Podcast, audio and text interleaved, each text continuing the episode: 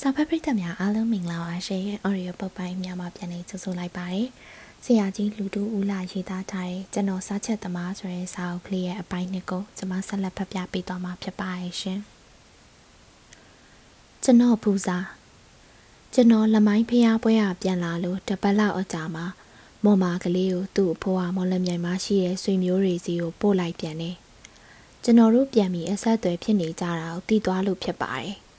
သူကမြသွားရမယ့်မနက်မှာအစောကြီးကျွန်တော်ရေလောင်းနေတဲ့ဟင်းရွက်ချန်ထဲကိုလိုက်လာပြီးသူသွားရတော့မယ်ဆိုတဲ့အကြောင်းကိုငိုပြီးပြောပါတယ်။ကျွန်တော်မှလည်းမျက်ရည်နဲ့ပေါ့။မော်လမြိုင်ဆိုတော့ကြောင်းရွာထက်ပိုပြီးဝေးသွားပြီ။နောက်ထပ်လူချင်းတွေ့ဖို့ဆိုတာအင်မတန်မလွယ်တဲ့အလုပ်ပဲ။သူ့ကိုမသွားပါနဲ့တော့တခါတည်းအတူတူနေလိုက်ပါတော့လို့ပြောတော့လေမိဘဆွေမျိုးတွေအရေးရရှိသေးတယ်။လိုက်မသွားလို့မဖြစ်ဘူး မော်လမြိုင်ရောက်မှအကြောင်းအကျိုးအဖြစ်ပြက်ကိုစာရေးပါမယ်အခုတော့သွားရတော့မယ်လို့ပြောပြီးမျက်ရည်ဆက်လက်နဲ့ပြန်သွားပါတယ်ကျွန်တော်ဟာအဲ့ဒီမနက်ကဟင်းရွက်ပင်တွေကိုစိတ်အောင်ရေမလောင်းနိုင်တော့ရင်ထဲမှာဘလောင်ဆူနေလို့စိတ်ငြိမ်အောင်အရေးအာဝါသားနဲ့ပြေဆုံးပြီးသူတော်ကောင်းတို့နေရာဘုံကြီးချောင်းရှိရာဘက်ကိုထွက်ခဲ့တယ်။ကြောင်ရောက်ရင်စိတ်အေးချမ်းသာများဖြစ်မလားငြိမ်ချမ်းရေးရမလားလို့မျှော်လင့်ချက်ကြီးနဲ့ထွက်ခဲ့တာပါ ကြောင်ရောက်တော့ဖုံးတော်ကြီးဟာဘလို့အပူမျိုးနဲ့လာတယ်။ဘာကိစ္စနဲ့လာတယ်ဆိုတာမျိုးမမေးတော့ပဲသူ့ကိုဦးချလိုက်တာနဲ့ကွန်တီးညက်ရာကမျက်လွှာလှမ်းကြည့်ပြီးအေးငါလည်းတယောက်ယောက်ကြောင်းထွက်လာမလားလို့မျှော်နေတာနဲ့အတော်ပဲ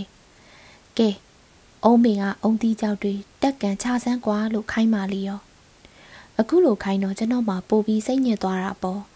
ဒါပေမဲ့ဖုံတော်ကြီးကိုကြောက်တာနဲ့ဘာတခုံးမှပြန်မရှောက်ဝင်ပဲခိုင်းတဲ့အတိုင်းလှုပ်လိုက်ပါတယ်။အားလုံးပေါင်းအုံးပင်အပင်40လောက်တက်ရတယ်။စိတ်ကမချမ်းမသာဖြစ်နေတော့လိမ့်မကြအောင်မနေစူးစမ်းတတိထားပြီးလှုပ်ရကန်ရပါတယ်။အုံးသီးကြောက်တွေလှင်ငါးစီးတိုက်လောက်ကန်းချပြီးဆင်းလာတော့ဖုံတော်ကြီးကအုံးသီးနှလုံးစုချပါတယ်။ကျွန်တော်လည်းယူပြီးအိမ်ပြန်ခဲ့တယ်။ရီစားပူမိတယ်ဆိုပေမဲ့အလုပ်ကိုတော့ကျွန်တော်ကအထိမခံပါဘူး။လုံမြဲလုပ်ပါတယ်။ စိတ်လီပြီးနေရထိုင်ရတာမရွှင်ဘူးတောင်တွေးမြောက်တွေးနဲ့အလုတ်ထဲတော့နှစ်နှစ်ကာကာစိတ်မဝင်စားနိုင်ဘူးချစ်ဒုက္ခဆိုတာဒါလောက်သာခံစားရတာပါဒီလောက်ခံရယုံနဲ့တော့ကျွန်တော်အလုတ်ကိုထိခိုက်စရာမရှိပါဘူးကျွန်တော်အလုတ်ကမနက်စောစောဟင်းရွက်ချမ်းမှာရေလောင်းနေရေလောင်းပြီးရင်စားတိုက်ထွက်ရတယ်စားတိုက်ထွက်ရတယ်ဆိုတာစားဖို့ရိယာစားအောင်စားတင်မဲ့လှေစိတ်အယောင်လှဲနဲ့အငှားလိုက်ပို့ရတာကိုပြောတာပါ စားဖို့ဆိုတာရေထရက်မှာပင်လယ်ရေငံဝင်တဲ့ချောင်းကလေးတွေနဲ့မနီးမဝေးမှသာတိဆောက်ကြရပါတယ်။ဒီတော့မှချောင်းထဲဝင်လာတဲ့ပင်လယ်ရေငံကိုယူပြီးစားချက်နိုင်ပါဘူး။ချက်လို့စားဖြစ်လာတဲ့အခါကျတော့လေစားတွေကိုဒီချောင်းကလေးထဲကပဲလီကြီးတွေနဲ့တင်ပြီးပင်လယ်ဝါကိုထွက်ကြရတယ်။ပင်လယ်ဝါရောက်တော့ပသိမ်ရန်ကုန်မွန်လမြိုင်တဝဲနဲ့ဖိတ်ကြိုက်တဲ့စိတ်ကမ်းမျိုးတွေစီကိုရွတ်လွှင့်သွားပြီးတော့ စားတိုက်ကားဆိုတာစားဖို့နဲ့လှေစိတ်အနီးဝေးကိုလိုက်ပြီးဈေးမျိုးမျိုးရှိပါတယ်။ကျွန်တော်တိုက်တုံးဟာစားဖို့နဲ့လှေစိတ်တမိုင်ခီးကိုစားပိတ်တာချင်းတထောင်တိုက်ပို့ရင်လှဲကငါးချက်ရပါတယ်။နွားညံ့တဲ့သူဟာလှဲတစ်ခေါက်ကို ပိတ်တာ250ပဲတင်ပါတယ်။နွားကောင်းရင်တော့ပိတ်တာ300လောက်တင်ကြတာပဲ။အများအပြားစားတစ်ထောင်ကို၄ခေါက်တိုက်ကြတာများပါတယ်။ကျွဲလှဲနဲ့တိုက်ရင်တော့ လဲတစ်ခေါက်ကို ပိတ်တာ900တင်ပါတယ်။ဒါတော့တလင်းလာက ပြာတူလာအတီလဲလန်းဆိုးနေတော့ဘွက်ထဲမှာတိုက်ရတဲ့နှုံမှာကစုံလာစပြီးဝါကောင်လာအတီတော့မိုးရင်းဖြစ်နေပြီ။ရာသီဥတုမကောင်းလို့လှဲတွင်စားတွေတင်ပြီးပင်လယ်ကိုမထွက်ကြတော့ဘူး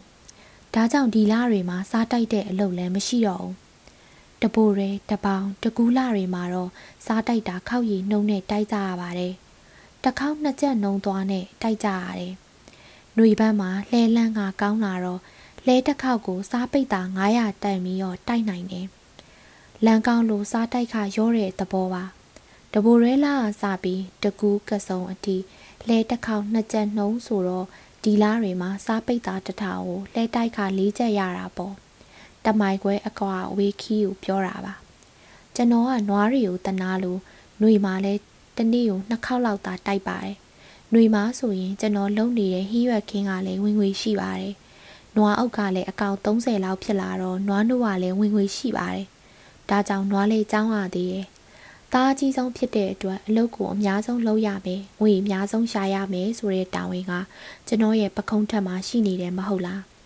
မိုးကြလာရင်တော့ဟင်းရွက်ချံကိုရေမလောင်းရတော့ဘူးစားလဲမတိုက်ရတော့ဘူးဒီတော့ဝါဆိုလားလောက်စားစပြီး တော်တလင်းသတင်းကြိုအတီတမိုးရင်းလုံးတောထဲကိုဝင် စားထင်းခုတ်ပါတယ်ပြာတူလားလောက်မှာခုတ်ထားတဲ့စားထင်းလံပုံတွေကိုစားဖို့သွင်းရတယ်တလန်ကို၅ချက်နှုံးမှာတမိုးခုံရင်ထင်းအလံ90လောက်တော့ရတယ်ကျွန်တော်အတွက်စားထင်းကတမိုးမှာအိတ်ဝင်တပိတ်ဝင်ငွေ250တော့စီပါတယ်ဒီချိန်ကကျွန်တော်လိုဝင်ငွေရှိရဲ့ကာလာသားမျိုးဂရုပိရွာမှာမရှိသလောက်ရှားပါတယ်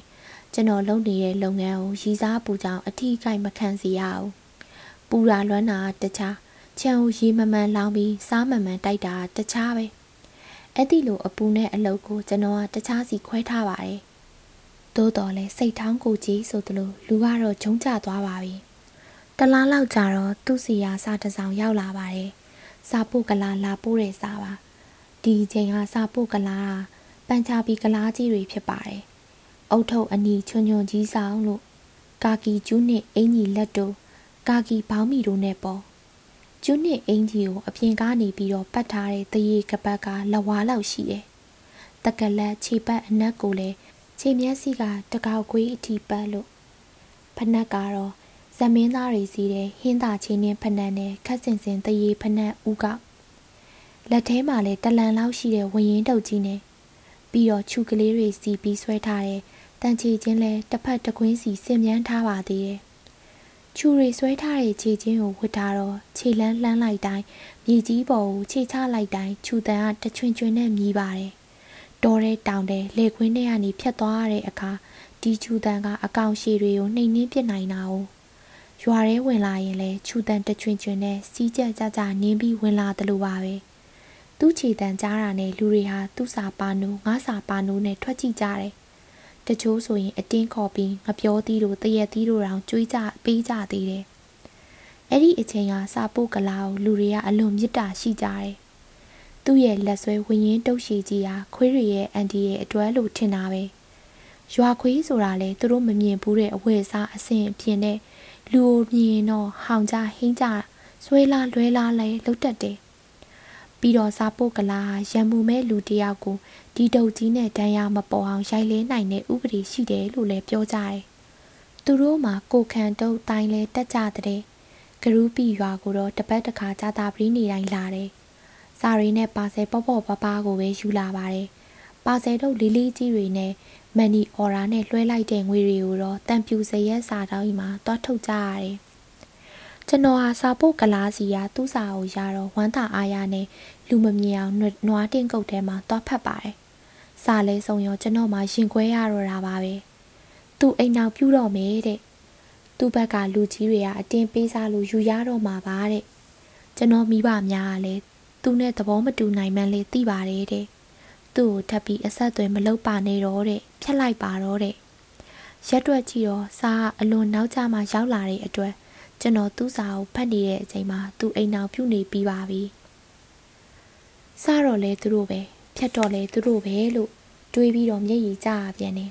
။တစ်တကတဲ့ဘယ်တစ်အကြီးဆုံးလဲလို့သူကပဲမေးတယ်။သူကပဲဖောက်တယ်။ဒါကိုတတိယတော့အင်မတန်စိတ်မချမ်းမသာဖြစ်ရပြန်တယ်။မျက်ရည်တွေကလည်းဘယ်ကဘလို့ဒီလောက်ထွက်လာနိုင်မှမသိဘူး။အဲ့ဒီညာအဖေနဲ့အမေကိုတီးခေါက်ကြည့်တဲ့အခါသူတို့သဘောမတူတာမှန်ကြောင်းသိရတယ်။မုံမာကလေးရဲ့အမေဘက်ကအမျိုးညံ့တယ်အဖေဘက်ကတော့တန်းပါရဲ့တဲ့။ ဒီအကြောင်းတွေထောက်ပြီးအခုကျွန်တော်ပြောတဲ့အထဲမှာသူ့နာမည်ကိုထုတ်မပြောပဲမုံမာကလေးလို့သာတမညပြောနေရပါ။အမည်မှန်ကိုထုတ်ပြောလိုက်ရင်သူ့ရဲ့ဂုံသိက္ခာများထိခိုက်မလား။ဒီအချိန်ကကျွန်တော်မှဘလို့အတွေးပေါ်လာတယ်လဲဆိုရင်ငါမှသာချစ်လိုက်ရတာ။သူကတော့သစိမ့်ပြင်းပြင်းလှုပ်ရက်တယ်လို့တွေးပြီးသူ့အပေါ်နာကြီးလာတယ်။ဒါပေမဲ့ငကိုအတိုင်းတော့ပြန်မဖြစ်သေးဘူး။ငကိုအတိုင်းစိတ်ရောလူဟာပြန်ဖြစ်ဖို့ဟာ သူ့ကိုကလတ်စားချီရမှာငကိုအတိုင်းပြန်ဖြစ်မယ်လို့သဘောပေါက်လာတယ်။ကလတ်စားချီရမယ်နေရာနင်းထက်သားတဲ့မိမအောင်ငါယူပြမယ်ဆိုတဲ့နီးပဲ။အစောဟာတင်းထက်သားတယ်။တင်းနဲ့လည်းတင့်တယ်။ဒင်းရင်ခွဲအောင်အစောကိုငါရအောင်ယူပြမယ်လို့အဲ့ဒီညာဆုံးဖြတ်ချက်ချလိုက်တယ်ပြီးတော့ကိုကိုကိုလည်းဂရုပီရွာမှာလူရွယ်ချင်းရှင်ရင်ငါးလောက်အလုတ်လုတ်တဲ့သူငါးလောက်ယူသားတဲ့သူငါးလောက်ဝင်ငွေကောင်းတဲ့သူဘသူရှိတယ်လဲ ငါလိုလူမျိုးလူချင်းတဲ့မိမပြိုတွေများအများကြီးရှိမှာပဲအစောရောဒီအထဲမှာမပါဘူးလားလို့ပြောနိုင်သလားအစောလဲငါ့ကိုကြိုက်နေတဲ့အထဲမှာပါမှာပါပွဲတော့ကသူပြောတဲ့စကားအထိပ္ပယ်ကိုလည်းအတော်ရှင်းပြလို့ငါဖြေနိုင်ပြီသူ့ကိုဘာများရှက်စရာလုံနေသေးသလဲလို့ငါစာရေးမယ်ပြီးရင်ငါကိုယ်တိုင်သွားပေးမယ်လို့အားတင်ပြီးအဲ့ဒီညပဲရီစားစာကောက်ရေးပါတယ် နောက်နေ့နေဝင်ရီတရောအချိန်လောက်မှာအပိုးအပန်ထွက်ကြတဲ့ကာလာသားတို့ရဲ့ထုံးစံအတိုင်းကျွန်တော်ကိုကိုလှလှပပပြင်ဆင်ဝတ်စားပြီးအစောတို့အိမ်ဘက်ကိုထွက်ခဲ့တယ်။အဲ့ဒီနယ်ဘက်မှာအပြိုလဲတယ်ဆိုတာပွဲလန်းတပင်သွားသလိုဝစ်ကောင်းစားလာဝစ်ပြီးသွားကြရတဲ့ဒလေးရှိပါတယ်။အခုလိုဝစ်စားဖိလိမ့်လာမှအပြိုကလက်ခံစကားပြောတာပါ။နှုတ်မို့ရင်တော့တခြားအလုပ်ကိစ္စနဲ့လာတယ်လို့ယူဆပြီးအခန့်စကားမပြောဘူး။ဘာတိပါတာလူကြီးတွေနဲ့ပဲပြစ်ထားလိမ့်ရှိတယ်။ ဝေကောင်းစားလာနဲ့ဆိုတော့အပြူကသူ့ကိုလာလေတယ်လို့အတက်သိတယ်။မိဘတွေကလည်းသမီးစီလူဟန်ပြတယ်ဆိုတာသိတယ်။အခုလိုသိတော့လူကြီးတွေကလူငယ်တွေပြောချင်တာပြောပါစီဆိုပြီးမတိမတာရှောင်ပေးကြတယ်။နှွေချိန်မှုရာသီဥတုဟာပူအားကြီးတာကြောင့်အစောဟာသူ့အိမ်ချောင်းကလေးကိုပိတ်ထားပြီးအိမ်ရှိမှာတရုတ်မုတ်ဆိုင်ကလေးဖွင့်ထားတယ်။ကျွန်တော်ကသူ့ဆိုင်ထဲကိုဝင်သွားပြီးဒီဆိုင်ကမြန်မာမုတ်မရောဘူးလားလို့မေးလိုက်တော့အစောဟာအခန်းထဲကထွက်လာပြီး ကျွန်တော်ကိုမြင်တာနဲ့ဘာပြောရမှန်းမသိပဲစူးစူးဆိုင်ဆိုင်ကြီးကြည့်နေပါတယ်ဒီရင်ကျွန်တော်ကအိတ်ထဲကစာရွက်ခောက်ကလေးကိုထုတ်ပြီးသူ့လက်ထဲကိုထိုးထည့်ပြီးလှည့်ထွက်ခဲ့တယ်စိတ်ထဲမှာလည်းအင်မတန်ပေါ့သွားတယ်အိမ်ပြန်ရောက်ပြီးလို့သူ့စီကဘလို့စာမျိုးများပြန်လာမလဲလို့စောင့်နေပါတယ်သုံးရက်လောက်သာကြာသွားတယ်ဘာပြန်စားမှမလာဘူးဒီတော့ကျွန်တော်ကဦးလေးဖိုးလူရဲ့မယားကျွန်တော်အတော်အပူကက်ရပြန်တာပေါ့ကျွန်တော်ကိစ္စကိုအတော်ကတွက်ကိန်းချပြီးကြည့်ရယ် ညီမ၃ယောက်ရှိတဲ့အနက်အစောကအကြီးဆုံးဖြစ်ပြီးအိမ်တော်ကိုလည်းဦးစီးနိုင်တယ်သူ့အဖေကြီးမှာစားတထောင်ပါလှီကြီးတစ်စင်းလည်းရှိတယ်တားယောက်ျားမရှိတဲ့အိမ်မှာကျွန်တော်ကသာအမကြီးရဲ့လင်းဖြစ်လာရင်တအိမ်လုံးကိုစီးပိုင်မဲ့အခြေမျိုးမှရှိရဲ့ဒီအခြေအနေမျိုးမှာကောင်းတဲ့လက္ခဏာလို့တွက်ကိန်းကြပြီးစိတ်ချနေလို့ကျွန်တော်ကိုပြောလွှတ်လိုက်ပါတယ်။တရက်မှာအတော့သားခွေးပိန်ဆိုတဲ့အကောင်ရောက်လာပြီး အမေကအခေါ်ခိုင်းနဲ့အခုလိုက်ခဲ့ပါလို့ခေါ်တာနဲ့ကျွန်တော်လဲနှစ်ဖားချိုးကြည့်ရကနေထလိုက်သွားတယ်။အတော့အိမ်ပေါ်တက်လိုက်တော့အစောရောက်နေတာကိုတွေ့ရတယ်။ကျွန်တော်ကိုမြင်တာနဲ့မိဖို့ဆောင်ထဲကိုဝင်သွားရော။အဲ့ဒီမှာအတော်ကမျက်ရည်ပြတာနဲ့ကျွန်တော်လည်းမိဖို့တဲကိုလိုက်ဝင်သွားတာပဲ။အဲ့ဒီနေ့မှာအစောစီကကျွန်တော်မျောလင်းတဲ့အဖြေကိုရတယ်နောက်တော့မှဝါမဝင်မီမိသားဖာသားပြီးပြီးလူကြီးဆောင်ရနဲ့တောင်းရံပြီးကျွန်တော်တို့မင်္ဂလာဆောင်လိုက်ကြတယ်။ မင်္ဂလာဆောင်ပြီးတညမှာဂရုပီပွဲတော်ကကျွန်တော်တိုက်တဲ့လင်မနစ်ကိုတောက်တာလူချင်းစားတွေရဲ့အဲ့ဒီအချိန်ကလေးကကျုပ်ကိုမြစ်တာရှိလို့မဟုတ်လားလို့မိကြည့်တယ်။ဒီတော့အစောကဘလို့ပြန်ပြောသလဲဆိုတော့ကျမမတော့ပါဘူးရှင်အလင်မှာတွန့်ပစ်ပြီးပလင်းကုံကိုစပွဲပေါ်ကိုထောင်ထားလိုက်တာပါတဲ့။ကောင်းရောရောက်ကမပဲ့နေမရရစားဆိုတော့သူ့အိမ်လိုက်နေရပါတယ် ခုလိုနေလို့စိတ်ရက်လောက်ရတော့ရောက်ခမယောက်ျားကြီးရလေထိုးသားရှာမရလို့လေတစ်ခေါက်နှစ်ခေါက်လောက်လိုက်ပေးပါလို့ပြောရောကျွန်တော်ကလှေမစည်းဘူးပေမဲ့ရောက်ခမကိုလိုက်ပါမယ်လို့အာမခံလိုက်တယ်ရောက်ခမကြီးရဲ့လေယာဒေတာစကားနဲ့ဒုံလို့ခေါ်ကြတယ်လောင်းလီအမျိုးအစားဖြစ်ပါတယ်စားချိန်တထောင်တင်နိုင်တယ်ပင်နှင်းတယောက်နဲ့လှေထိုးသား၃ယောက်စီးရဲ့လေပါရောက်ခမကိုယ်တိုင်ကပင်နှင်းမယ် စားဖို့တွေကစားတင်ပြီးပင်လယ်ဝါကိုထွက်တဲ့ဂရုပီချောင်းဆိုတာကရေတက်လို့ပင်လယ်ရေဝင်လာမှချောင်းရီပြေးပါတယ်။ရေပြန်ကြားလို့ပင်လယ်ရေဆုပ်သွားရင်ချောင်းရီလည်းပင်လယ်ထဲကိုပြန်ဆင်းသွားပါတယ်။ပင်လယ်မှာရေတက်ရေကြားတစ်နေ့ကိုနှစ်ကြိမ်ရှိပါတယ်။တရက်ကို45မိနစ်အချိန်ပြောင်းပါတယ်။ပင်လယ်ရေတက်ပုံကြပုံကိုနောက်တော့ပြောပြပါမယ်။စားတင်ပြီးလို့လှေထွက်မယ်လို့တော့ရောက်ကမှလူကွာစာတခြားလှေတွေလိုလှေထွက်ကန်ဒီမှာဥရှင်ကြီးမတင်ဘူး။ ရှင်ဦးပကုတ်ကိုလည်းမကူလူကနတ်ထက်မြက်တဲ့အစိမ့်တနတ်တွေအကြက်တနတ်တွေကိုဒိုးကရှစ်ခိုးပတာနေဖို့မလိုရှင်ဦးပကုတ်ကိုတော့ဆိုရင် အခုဆိုရင်တတ်တော်2000ကျော်နေပြီပဲဘေးယဟန္တာကဒီလောက်ကြာကြာကြီးခန္ဓာဝန်ထိမ့်ထမှာလဲစွန့်လိုက်ပြီးတာကြားလာရောပေါ်ဆိုတဲ့အယူမျိုးရှိတော့လေထွက်ခံဒီမှာအများသူငါလိုရိုးရလုပ်ငန်းကိုဘာတကူမှမလုပ်ပဲဟေလူတွေကျိုးဖြုတ် ထိုးဝါနှုတ်ထွက်မယ်လို့ပဲစင်မောကနေအမိတ်ပေးပြီးလှေကိုကန်းခွာလိုက်တာပဲလှေထိုးသား၃ယောက်ကကျွန်တော်ရဲ့ကျွန်တော်နဲ့ရွယ်တူကိုမောင်ညွန်းဆိုတဲ့လူရဲ့အသက်50ကျော်နေပြီဖြစ်တဲ့ဂရူပီမှာအိမ်အောင်ကြနေတဲ့တဝဲသားဦးနီရဲ့ဖြစ်ပါတယ်။ဦးနီကတက်တက်လုံးလှေလိုက်နေတဲ့လူကိုမောင်ညွန်းကတော့၃လေးခေါက်သာလိုက်ဖူးတယ်။ကျွန်တော်ကအခုမှလိုက်တဲ့လူသက်လီယိုမနက်ရေကြားစာမှာကြာရည်နဲ့လိုက်ထွက်ပါတယ်။ပ င်လယ်ဝလည်းရောက်ရောရေလဲစစ်လို့ပင်နေရောက်ကမကြီးကမှန်းထားပါတယ်။ဒါပေမဲ့သူ့မှန်းချက်ကမကိုက်ဘူး။အဖြစ်ကဒီလိုပါကျွန်တော်ကထိုးဝမထိုးတတ်ဘူး။လီဦးကထိုးဝကိုထိုးချလိုက်ပြီးပခုံးနဲ့တိုက်တွန်းထုတ်ရတာဖြစ်ရဲ့။နင်းချမ်းဆုံးလို့ထိုးဝကိုဆွဲနှုတ်တော့နှုတ်လို့မရအောင်လှေသွားနေတဲ့အချိန်နဲ့လူပါထိုးဝါနဲ့ပါပြီးရေထဲလိမ့်ကြမသွားအောင်ထိုးဝါကိုလက်ကလွှတ်လိုက်ရရော ထိုးဝါတစ်ချောင်းဆုံးတာပေါ့နှုတ်လို့မရတဲ့ထိုးဝါကရေထဲမှာစိုက်ရတာကြံရစ်တယ်လေဒီလိုနီးနဲ့ထိုးဝါသုံးလေးချောင်းဆုံးတော့ပယ်နင်းကဟေ့မင်းမထိုးနဲ့တော့ထိုင်နေလို့အမိတ်ပေးတာနဲ့ထိုင်နေလိုက်ရတယ်ဟိုနှစ်ယောက်တော့ချွေးတီးတီးကြအောင်ထိုးလို့ပေါ့အခုလိုလူတယောက်လျှော့သွားတော့ပင်လယ်ဝရဲလေရောက်ရေလဲဆင်းဆိုတဲ့ပဲ့နင်းရဲ့မှန်ချက်ကဘယ်မှန်တော့မှလဲ နင်းနာကြီးပြန်တစ်ချက်လောက်ကြတော့အရှိလီနည်းနည်းပေါက်လာတာနဲ့ရွက်တင်ပြီးရွက်နဲ့တိုက်ထွက်ပါတယ်လီကတိုက်တယ်ဆိုယုံကလေးတိုက်တာပါရွက်တောင်မဖောက်ပါအောင်တလောက်တိုက်ရင်ပဲလှီထိုးသားကတော့ဝမ်းသာပါတယ်လီသာမရရင်ဂရူပီကနေပြီးပင်လယ်ဝါအတီကိုထိုးဝါနဲ့ကြီးပဲထိုးသွားရတော့မှာဘူးလီထိုးသားဆိုတာလီလာရင်ရှင်းပြရင်ပဲရွက်ရိတ်ခိုးပြီးပြောချင်ရပြောဆိုချင်ရဆိုနေနိုင်တယ်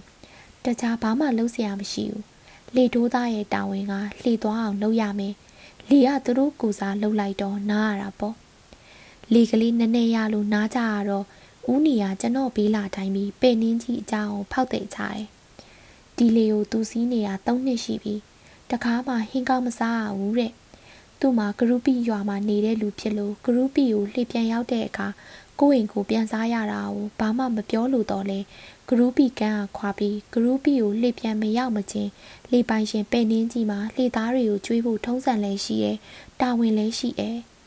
တခြားလေတွေဆိုရင်စားတင်ပြီးကန်းအားခွာလို့စိတ်ကန်းတစ်ခုခုကိုမရောက်မချင်းလှေသားတွေကိုပင်လေစာကျွေးရိုးတိုင်းကျွေးပေမဲ့စိတ်ကန်းတစ်ခုခုစိုက်တာနဲ့ဝယ်လို့ရရင်အသားဟင်းကျွေးရဲ့ဝတ်သားတမမုံအမဲသားတမမုံငါးဆိုသလိုလေသားတွေစားကျင်တာကိုချက်ကျွေးတဲ့အစဉ်လာရှိပါတယ်တဲ့ ပင်လေစားဆိုတာကြောက်ဖြုံသီးဟင်းတို့ပဲဟင်းတို့ပြောတာပါသူ့ပဲနေကျွန်တော်ရောက်ကမကြီးဥရွှေမဲ့ရတော့အင်မတန်ကက်စီးနေလို့သူဒီလေကိုလိုက်လာတဲ့သုံးနှစ်အတွင်းမှာပေစိတ်ကန်းရောက်ရောက်လှေသားတွေကိုအသားဟင်းကလေးတစ်ခါတလေစားကြဟေးလို့တခါမှမကြွေးဘူးပင်လေထဲမှာပဲဖြစ်ဖြစ်စိတ်ကန်းတွေမှာပဲဖြစ်ဖြစ်ချင်မောင်ရွက်တဝဲဟင်းချိုရွက်ကြောက်ဖယုံသည်ဒါရီနဲ့ရေလဲနဲ့သာကျွေးပါတယ်လို့ညီညီညူညူနဲ့ပြောတယ် အခုလိုဦးနီပြောတဲ့ပဲ့နင်းကြီးရဲ့အတင်းဖြစ်တွေကိုနားထောင်လို့တော့ကောင်းနေတော့ဟေ့မောင်နီရေစမ်းဟေးလို့ပဲ့နင်းကြီးရဲ့အမိန့်တန်ပေါ်လာတာနဲ့ဦးနီလည်းထိုင်ရထပြီးရေစမ်းဖို့လှေဦးကိုသွားပါတယ်လေဦးရောက်တော့ထိတ်မှာခဲသီးတက်ထားတဲ့ရေစမ်းကျိုးကိုလွှဲပြီးရေထဲပစ်ချလိုက်တယ်ရေစမ်းကျိုးကခဲသီးမြေကြီးကိုထီတော့ပြန်ဆွဲတင်ပြီးကျိုးမှာထုံးထားတဲ့ရေမှတ်ပုကလေးကိုကြည့်ရင်သုံးလန်ရေလို့ပင်နှင်းကြအောင်អော်လိုက်တယ် ဒီလိုអော်လိုက်ပြီးတာနဲ့ရေစမ်းကျိုးကိုလွှဲပြီးပြစ်ချလိုက်ပြန်တယ်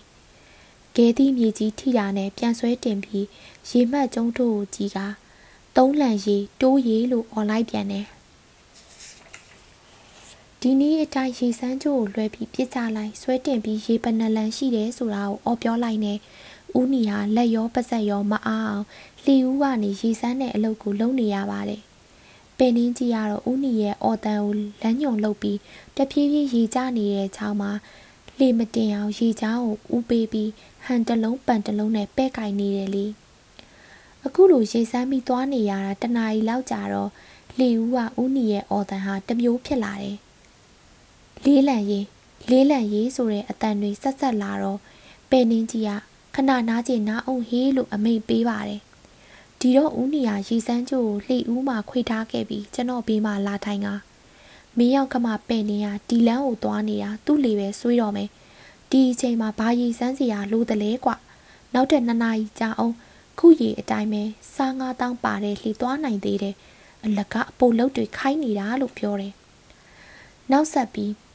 ဒဒါကြောင့်ငါသုံးလန်ရေကနေလေးလန်ရေတိုးရေလို့អော်နေတာတော့ရေကြားနေတာပဲရေကရော့ရော့သွားရမှာပေါ့ ဘာကြောင့်သုံးလန်ကနေလေးလန်တိုးရေဖြစ်လာရတယ်လဲသူမစင်းစားတတ်ဘူးအလက်ကကြက်ပြင်းကြည့်ပါကွာလို့ပြောပါသေးတယ်လင်းချင်းကလေးနဲ့ရွက်ဖွင့်လာတဲ့ကျွန်တော်တို့လေဟာဂရူးပီချောင်းဝပင်လယ်ပြင်ဘက်ကိုအထွက်ချောင်းကမ်းပေးတစ်ဖက်တစ်ချက်ကလေကွယ်တဲ့ကိုင်းပင်တစ်ပင်ကြီးတွေနဲ့လွတ်ကြောပင်လယ်ကမ်းပါဝှေ့လာတဲ့အရှိလီဟာစောင့်ထိုးလိုက်တာဆွေးနေတဲ့ရက်ကြီးဟာအလေကနှစ်လန်လောက်မမတ်ကြီးပြဲသွားပါလေရော ဒီတွေရွက်ကြီးကိုကမန်းကတန်းချပြီးချုပ်ကြရတာပေါ့လေကိုတော့ပင်နှင်းကြီးဟာဒီအတိုင်းမျောချထားလိုက်တယ်လေတကယ်တော့လေကိုကြောက်ကြထားရမယ်ဥစ္စာရေကြားဆိုတော့ရေကပင်လေထဲကိုဆွဲဆင်းနေပါတယ်ကျွန်တော်တို့ရွက်ကိုမဲချုပ်နေကြတော့မျောချထားတဲ့လေကြီးဟာရေချောင်းအတိုင်းကမ်းနဲ့2မိုင်လောက်အဝေးမှာရှိတဲ့ပင်လယ်ထဲကကြောင်ငနွားစုလို့ခေါ်ကြတဲ့ပြန့်ကျဲနေတဲ့ကြောက်ဆောင်စုကြီးစီကိုတန်တန်မမတ်နဲ့သွားနေပါတယ်။ ကြောင်ငနွားစုလို့ခေါ်တဲ့ကြောက်ဆောင်စုဟာရေကြားလေသမားတွေကကြောင်ငနွားစုလို့အမည်ပေးထားကြတဲ့ကြောက်ဆောင်စုပါ။ရေချောင်းတိုင်းမျောပါသွားတဲ့ကျွန်တော်တို့လှီကြီးကြောင်ငနွားစုရောက်တော့တဖာလုံလောက်အလိုကြမှာပဲ့နှင်းကြီးရတတိယပြီးကျွန်တော်တို့ခတ်တက်နဲ့ကြောင်ငနွားနဲ့လွတ်အောင်ပင်လေပြင်ပတ်ကိုခတ်ထုတ်ဖို့ကမန်းကနန်းအမိတ်ပေးတယ်။ဒီနေ့မောင်ညွန့်ကို ရွက်ချုပ်ရမှာထားခဲ့ပြီးကျွန်တော်နဲ့ဦးနီယာရှီချောင်းရဲ့အပြင်ဘက်ကိုရောက်သွားအောင်ဝင်ချိန်တထောင်ရှိရဲ့လီကြီးကိုနှစ်ယောက်သားရှာထွက်လို့မတက်ခတ်ကြရပါတယ်။ကံကောင်းတယ်လို့ဆိုရမလားမသိဘူး။ကြောင်ငနွားကြောက်ဆောင်စုကိုသုံးလန်လောက်ကလေးကပ်ပြီးလွတ်သွားတယ်။လေခေါ်တော့လက်မတင်လေးလွတ်တာပေါ့။တိုက်များတိုက်မိရင်အားလုံးကိစ္စချောပဲ။ကြောင်ငနွားစုနဲ့လွတ်သွားတာနဲ့ကျွန်တော်တို့နှစ်ယောက်လည်းခြေကုံလက်ပန်းချပြီးခတ်တက်ကိုလွတ်ချလိုက်ကြတယ် ပဲ့နင်းကြီးကတော့သူ့တော်လို့ကြောက်ဆောင်နဲ့မတိုက်မိပဲလွတ်သွားတယ်လို့ထင်သလားမသိဘူး။ကြောင်ငနွားစုအောင်ပင်လေတဲကိုနှစ်မိုင်လောက်အထိလေရောက်မှရွက်ချုပ်လို့ပြီးတယ်။ပြီးတာနဲ့ရွက်ပြန်တင်ပြီးကြိုက်ခမီမိပြစေးဖို့ကျွန်းကိုဥပေးကပဲ့နင်းကြီးကတိုက်တာပါပဲ။ဒါပေမဲ့လေရမကောင်းတော့စေးဖို့ကျွန်းကိုမရောက်ပဲမိုးချုပ်သွားလို့နီးရကြက်ကျွန်းထိတ်မှာပဲကြောက်ချပြီးအိတ်လိုက်ကြရတယ်။နောက်နေ့မနေ့ရေတက်မှာကြောက်နှုတ်ပြီးတော့ထွက်ကြတော့လေရလည်း မရေမရခုတိုက်လိုက်ခုရက်လိုက်နဲ့လှီကြီးရခတ်တက်နဲ့ခတ်တာလောက်တောင်မမြန်ဘူးဒီလိုနဲ့နေ့တနာရီလောက်မှစေးဖို့ကျွန်းရောက်တယ်စေးဖို့ကျွန်းဟာကြိုက်ကမီကန်းကိုဝင်တော့ရောက်ခမပင်နေရဘလို့စိတ်ကူးပေါက်တယ်မသိဘူးအများဝင်တဲ့အပြင်ရေချောင်းလန်းကလှဲ့မဝင်ပဲဘဲလီကြီးမျိုးမှမဝင်တဲ့အတွင်းရေချောင်းလန်းကအရေးဆုံပြီးဝင်လိုက်တယ်အင်မတန်ကျွမ်းကျင်တဲ့လူမှဝင်နိုင်တဲ့ကြိုက်ကမီရေလေဖျားနဲ့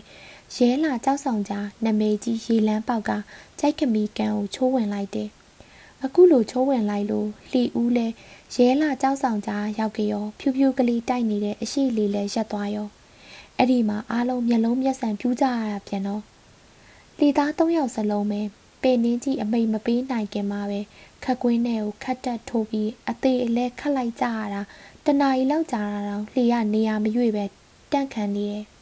ရေစီးကြောင်းနဲ့ရဲလာကြောက်ဆောင်နဲ့ဝဲနေဆိုတော့လေလုံးကြီးဟာကြောက်ဆောင်နဲ့ပြေးမရိုက်ပဲအခုလိုတန့်ခံနေအောင်အသေးလဲခတ်ကြရတယ်ဝင်းတသောင်းပါလီကြီးကိုရဲလာကြောက်ဆောင်ဝဲတဲ့ဟာတလက်မှပြီးတလက်မှရွှေ့အောင်အကျိတ်နဲ့ခတ်ရတာပါလေထိုးသားအဖို့တမိုးလုံးစာဖူလုံသွားတာပဲလို့ဆိုနိုင်တယ် နှစ်နာရီနီးပါအဆက်မပြတ်ခတ်နေတော့လေညင်းကလေးပေါက်လာလို့လှီကြီးရရှေ့ကိုရွေမန်းမသိတရွရွသွားရင်အန်တီရဲ့ကလွတ်ရတာပါပင်မန်းလိုက်တာတော့မပြောပါနဲ့တော့ညနေ၄နာရီလောက်မှကြိုက်ခမီကန်းကိုကတ်တယ်သိချင်းဆုံးနန်ကုန်တာပဲကြိုက်ခမီရောက်တော့ဥနီပြောတဲ့အတိုင်းပါပဲပယ်နင်းကြီးကိုယ်တိုင်ဆေးသွားပြီးမကြီးရွက်နှုတွေဝဲလာတယ်ညစာစားတော့ပယ်နင်းကြီးဟာမကြီးရွက်ဟင်းကြိုဟာရင်ကိုအေးစေတဲ့ အလုတ်ကျန်းသမားနဲ့တော်တယ်ဆေးဖြစ်တယ်လို့ပြောလိုက်သေးတယ်အစားကောင်းကြိုက်တဲ့ဦးနီနဲ့တော့ဖီလာပဲနောက်နေ့မနက်ရေတက်နဲ့ကြိုက်ကမီကန်ကခွာကြပါတယ်လေကမမှန်ဘူးတောင်လေလာလိုက်အရှိလေတိုက်လိုက်မြောက်လေပြန်လိုက်နဲ့တိုက်ကျင်သလိုတိုက်နေတယ်ပင်နင်းကြီးကလည်းလှေကိုကော်ပြီးရွက်လှဲလိုက်ကပ်ပြီးရွက်လှဲလိုက်စောင်းပြီးရွက်လှဲလိုက်နဲ့အင်မတန်အလုတ်များနေတယ်လေကြီးကလည်းပင်လေပြင်းနဲ့တောင်ဘက်ချိုးထွက်လိုက်အနောက်ဘက်လွင့်သွားလိုက် မြောက်ဘက်လှဲလာလိုက်နဲ့အယူလန်းလျှောက်သလိုသွားနေတယ်ဒီလိုလှေကြီးရခရီးပင်ပြီးဘလူးကျွန်းနဲ့ဟန်တာကျွန်းကြားရေလက်ကြားတွေကိုမွန်းတိမ်မှဝင်လာနိုင်တယ်ဟင်းသာကျွန်းရေလက်ကြားထဲဝင်လိုက်ပြီးဆိုရင်ပဲမော်လမြိုင်မြို့ကိုအတိုင်းသားမြင်နေရပါပြီ။လေမှန်နဲ့တိုက်ရရင်တနာရီလောက်နဲ့မော်လမြိုင်ကိုရောက်နိုင်တယ်။ဒါပေမဲ့လေကစိတ်ပြက်စရာကောင်းလို့ပင်နှင်းကြီးလဲစိတ်တူပြီး မော်လမြိုင်စိတ်ကန်းအယောင်မသွားတော့ပဲမျိုးစုံကဘူးပွန်စိတ်မှာပဲကတ်လိုက်တယ်။ဒါတော့ညနေ9နာရီလောက်မှကတ်နိုင်တာပါ။ညစာကိုပင်နှင်းကြီးကလှေထဲမှာဆောင်းလာတဲ့ကြောက်ဖြုံတီးနဲ့ပင်လယ်စာနဲ့ကျွေးပါတယ်။နေဆောင်ပြီးဈေးပိတ်ရောပေါ်လို့ပြောပြီးဈေးတက်မဝယ်တော့ကျွန်တော်တို့လှေကတ်တဲ့မော်လမြိုင်မျိုးစုံကမူပွန်ဆိုတာ1826ခုနှစ်အင်္ဂလိပ်တွေမော်လမြိုင်မှာစအခြေချတော့တငါရွာကလေးသားဖြစ်ပါတယ်စိတ်ကန်းနေထားတာကောင်းလို့ အင်္ဂလိပ်တွေကတင်မောချင်းတဲပြီးကျွန်းသားတွေနဲ့တင်မောကြီးတွေတိဆောက်ရာကအလုတ်သမားတွေနဲ့တဖြည်းဖြည်းစီကားလာတာဖြစ်ပါတယ်ဘူးပွန်တင်မောချင်းဟာကျွန်းသားနဲ့ပထမအဆုံးတိဆောက်တဲ့တင်မောဟာတန်ချိန်150ရှိတဲ့ဒီဗန်လို့ခေါ်တဲ့တင်မောဖြစ်ပါတယ်1830ပြည့်နှစ်က1856ခုနှစ်အထိကျွန်းသားတင်မောပေါင်း123စင်တိဆောက်ပြီးတဲ့အထဲမှာအကြီးဆုံးတင်မောဟာတန်ချိန်1418တန်ရှိတဲ့ Gold Patriot လို့ခေါ်တဲ့တင်မောဖြစ်ပါတယ်ဒုတိယအကြီးဆုံးသင်္ဘောဟာတန်ချိန်1300ရှိတဲ့မလကာဆိုတဲ့သင်္ဘောအဲ့ဒီသင်္ဘောကို1858ခုနှစ်မှာရေချပါတယ်အဲ့ဒီအချိန်ဟာပေ650ရှိတဲ့သင်္ဘောတွေဟာမူးပုံမှာကြောက်ဆွဲနိုင်ပါတယ်မော်လမြိုင်မြစ်ထဲမှာတော့ယေစု28ပေအရှိပေ100ရှိတဲ့သင်္ဘော 14စင်ကြောက်ချထားနိုင်ပါတယ်ဒီရွယ်သင်းမောမျိုးမော်လမြိုင်စည်းကြီးနာတဝဲတရားကိုလည်းကတ်နိုင်တယ်တဝဲတရားနဲ့မနီးမဝေးမှာရှိတဲ့မစ်ရှင်တရားမှာတော့ရေစူး22ပေနဲ့အရှိပေ300က360ရှိတဲ့သင်းမောတွေစိုက်နိုင်ပါတယ်အခုတော့တန်လွင်မြစ်ကသဲတွေပို့လာလို့ရေတိမ်လာတာကြောင့်မော်လမြိုင်စိတ်ကမ်းကိုဝင်ကပ်ဖို့သင်းမောကြီးတွေအတွက်အခက်အခဲရှိနေပါတယ် နောက်တနေ့မနက်မှာလှေကြီးကိုမော်လမြိုင်ဈေးကြီးစိတ်ဗိတ်တရားအရောက်ရွှေ့လိုက်ပါတယ်ပိတ်တရားပြောင်းတဲ့မနက်ကပဲ့နှင်းကြီးဟင်းတက်ဝဲတယ်။ပြန်လာတော့ဟင်းနုနွေရွက်စီးတစည်းပါလာပါတယ်။ပိုချိုအောင်ဆိုပြီးကလပ်ဘဲနဲ့ရောချက်တယ်။အဲ့ဒီမနက်ထမင်းဝိုင်းဟာဦးနီယာပဲ့နှင်းကြီးကိုဘလို့ပြောတလဲဆိုတော့ငါတို့ဟာဆင်းရဲပင်ဆင်းရဲ냐တော့လဲ။မှန်းဝိုင်းမှာငါချောက်ဖုတ်တော့ပါစမြဲပဲ။ ဝတ်သားဟင်းဆိုတာလေရွာထဲမှာပေါ်တိုင်းချက်စားတာပဲလို့တဝဲတန်ဝဲဝဲနဲ့ပြောလိုက်ပါတယ်။အခုလိုပြောလိုက်တော့ပဲ့နင်းကြီးကမနှက်ပြန်မနှက်တော့ဝတ်သားရင်ချက်ကျွေးပါမယ်ကွာလို့ပြန်ပြောတယ်ပဲ့နင်းကြီးကသူ့ကတိအတိုင်းနောက်တနေ့မနက်မှာအစောကြီးဆွဲချင်းတစ်လုံးနဲ့ဈေးကိုထွက်သွားတယ်ရှင်းနာရီလောက်မှပြန်လာပြီးကမ်းပေါ်ကလှမ်းတဲ့ခါ ကိုနီဝတ်သားရင်မရဘူးကျုံနောက်ကျသွားလို့အမဲသားစားကြမလားလို့မေးတယ်ဒီတော့ဦးနီကလည်းအမဲသားလည်းကောင်းပါလို့ပြန်ပြောတယ်အဲ့ဒီလိုပြောလိုက်တော့ပဲ့နင်းကြီးကကုန်းပေါ်ပြန်တက်သွားပြီး9နာရီကျော်မှပြန်ရောက်လာတယ်။ရောက်လာတာနဲ့ဆွဲချင်းကိုဦးနီလက်ထဲကိုလှမ်းပေးလိုက်ပြီးကုန်းပေါ်ကိုပြန်တက်သွားပြန်ပါတယ်။အသားစားကျင်နေတဲ့ဦးနီကဆွဲချင်းနဲ့ကအထုပ်ကိုဖြည့်ကြည့်တဲ့အခါ ဝယ်လာတဲ့အမဲသားစိုင်ပေါ်မှာတင်ရောင်းတဲ့အမဲသားမဟုတ်ပဲဈေးပြင်လမ်းပေးရာခွေးစာအတွက်ပြက်တဲထဲ့ရောင်းတဲ့အမဲရွတ်တွေဖြစ်နေတာတွေ့တော့ဘာမှမပြောတော့ပဲအမဲရွတ်ထုတ်ကြီးကိုရေထဲလှုပ်ပစ်လိုက်ပါရောအဲ့ဒီမနက်စာကိုပင်လယ်စာပဲစားကြပါတယ်စားတော့ပြီးကြလို့တအောင်နားနေပြီးတော့ပင်နှင်းကြီးကပြန်လာပါတယ်ဒါပေမဲ့သူတယောက်ထဲတော့မဟုတ်ဘူးစားဝယ်မဲ့သူတွေပါပါလာလို့ဦးနီယာသူ့ကိုဘာမှမပြောတာတော့ဘူး ရှေးတုန်းကထားကျွန်တော်တို့မော်လမြိုင်စီးကြီးပိတ်တရားကိုကတ်တဲ့မနက်မှာပဲအယောင်းဝယ်ဖြစ်လို့လေပေါ်အားစားတထောင်ညာဘက်ပါစပြီးအပြက်ချိန်လိုက်ကြတယ်မိုးလင်းတော့ပဲနင်းကြီးဟာဒီနေ့ဝယ်စရာချမ်းစရာဝယ်ဖို့မော်လမြိုင်မှာတရက်နားမယ်နောက်ရက်မော်လမြိုင်ရခွာမယ်လို့ပြောတယ်။လေသမားတွေကိုလည်းငွေ30စီထုတ်ပေးပြီးဝယ်ကျင်တာဝယ်စားကျင်တာစားကြလို့ပြောပါသေးတယ်။ အဲ့ဒီမှာလေသမားတွေအားလုံးငွေ30စီကင်ပြီးကမ်းပေါ်ကိုတက်ကုန်ကြတော့ပဲနင်းကြီးကလှေဆောင်ရပါတယ်။ဦးနီကကျွန်တော်တို့နဲ့လမ်းခွဲပြီးအရက်ဆိုင်အရှာထွက်တယ်။မောင်ညိုးနဲ့ကျွန်တော်ကရောက်တုံးရောက်ခိုက်ကြိုက်တန်လန်းစီတီရောရင်ပြင်ပေါ်ကိုတက်ကြတယ်။ကြိုက်တန်လန်းဖျားလန်အတိုင်းလျှောက်သွားတော့ခြေတော်ရင်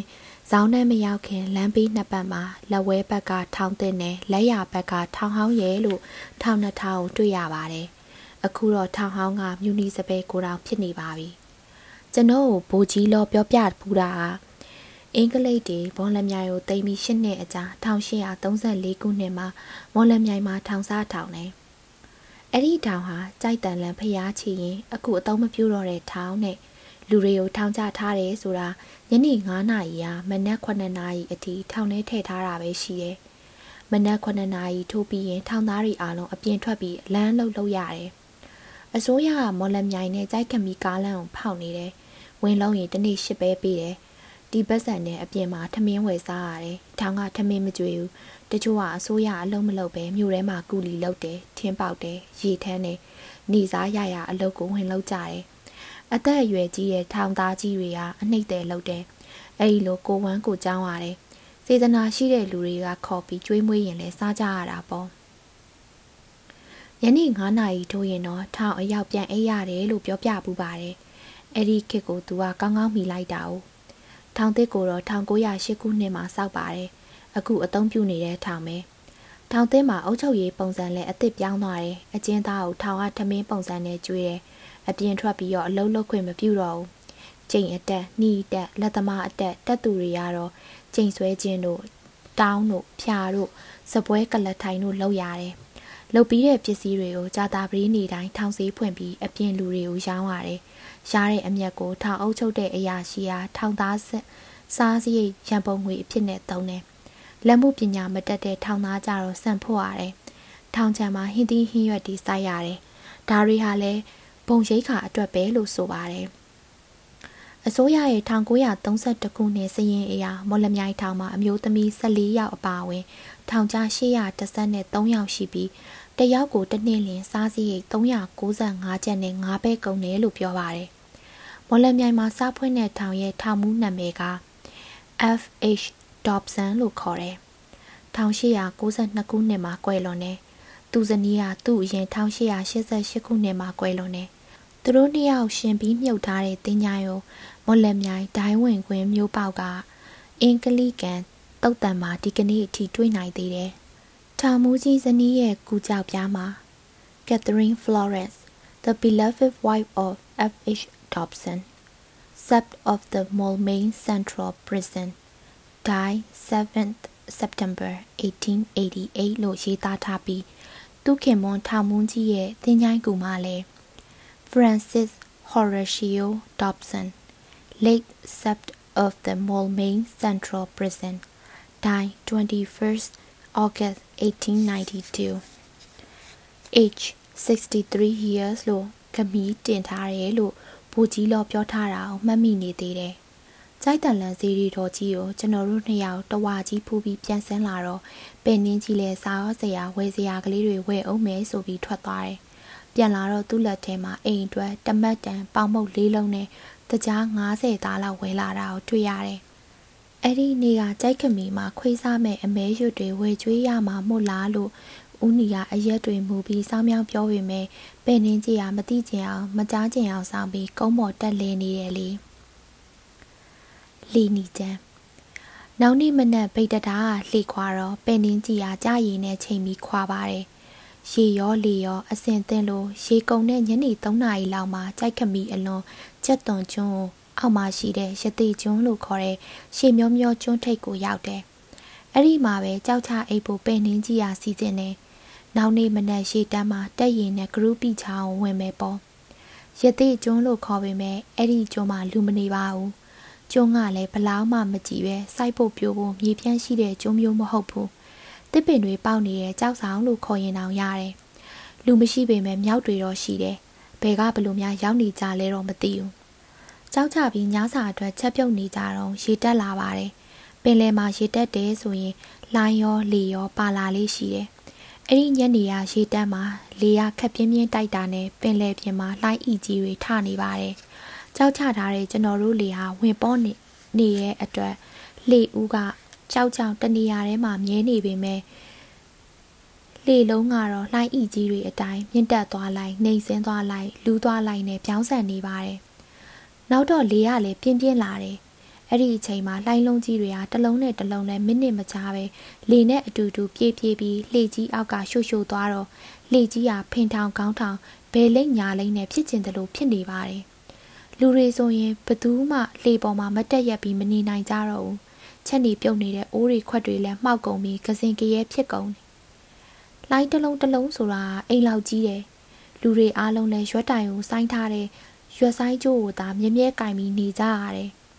လေကြီးခံရတယ်လို့လူတွေလည်းလေကြီးနဲ့အတူလိမ့်နေတာပေါ့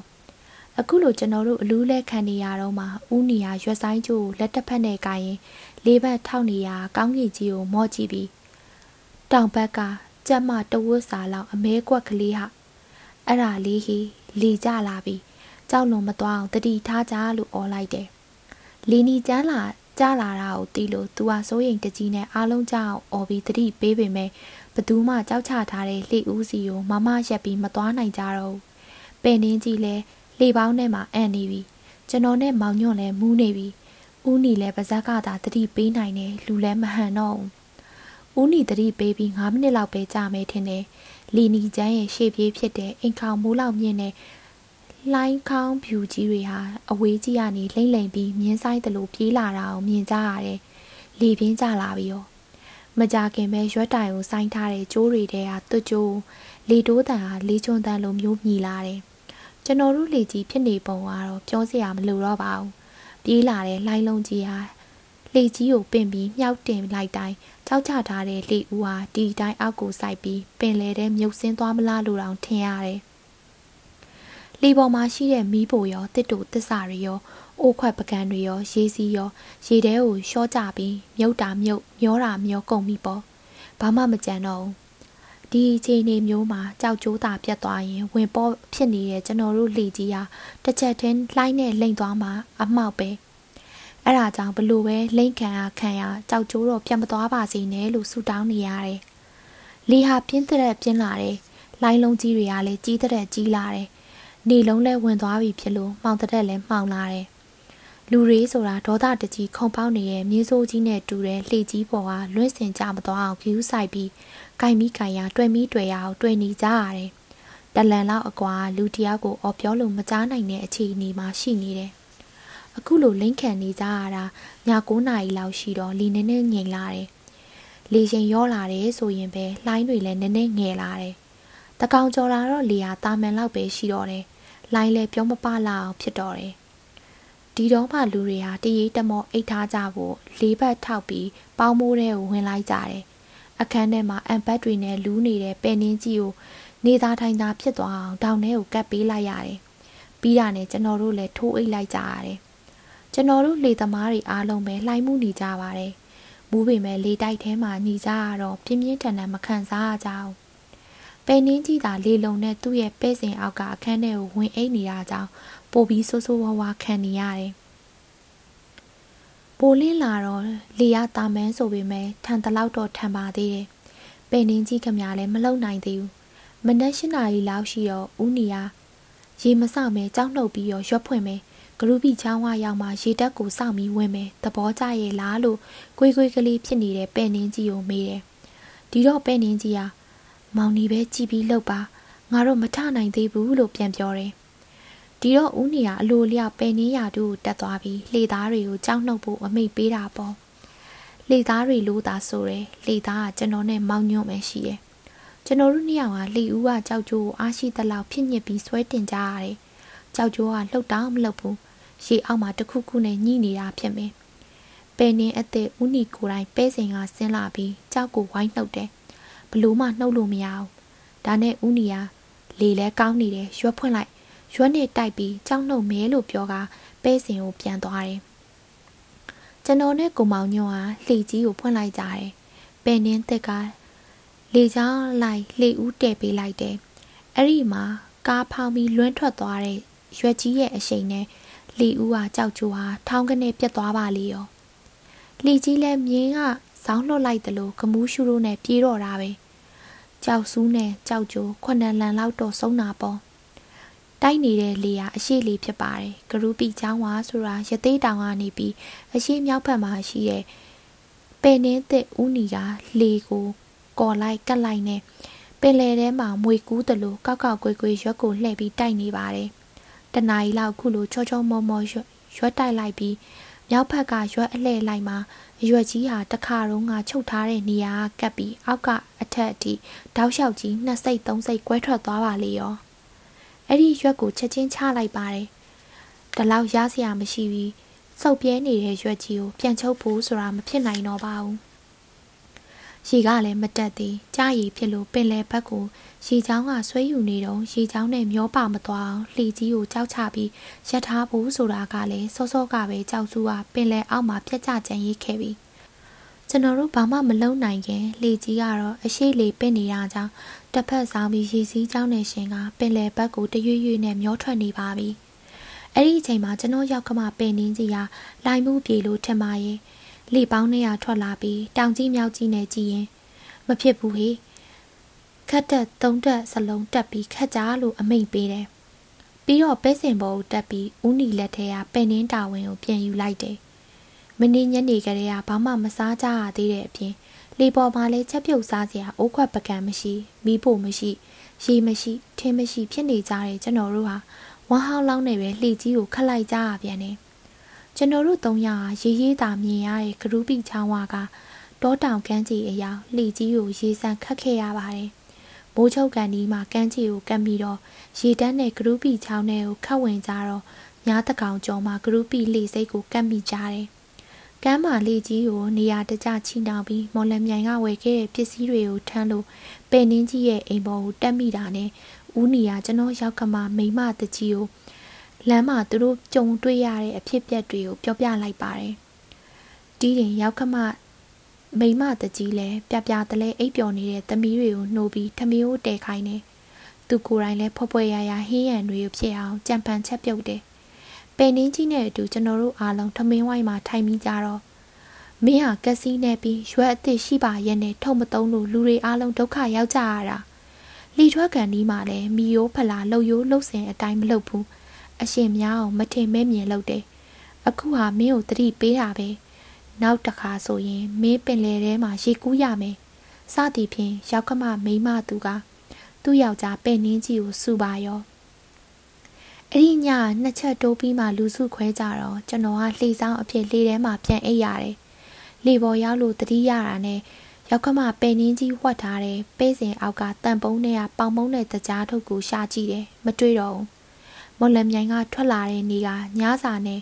နောက်နေ့ပင်လယ်ထဲမှာတနေ့လုံးလုံးဘာမှမစားရပဲကျွန်တော်တို့လေသား၃ယောက်အသက်ရှူမအားအောင်ရေစံလေစံခတ်နေကြတော့အစာမခံနိုင်တဲ့ပင်နှင်းကြီးယူစားလိုက်တာထင်တာပဲသူမဟုတ်ရင်ခိတ္တပင်နှင်းဝင်လို့တဲ့ဦးနီရဲ့လက်ချက်ဖြစ်လိမ့်မလား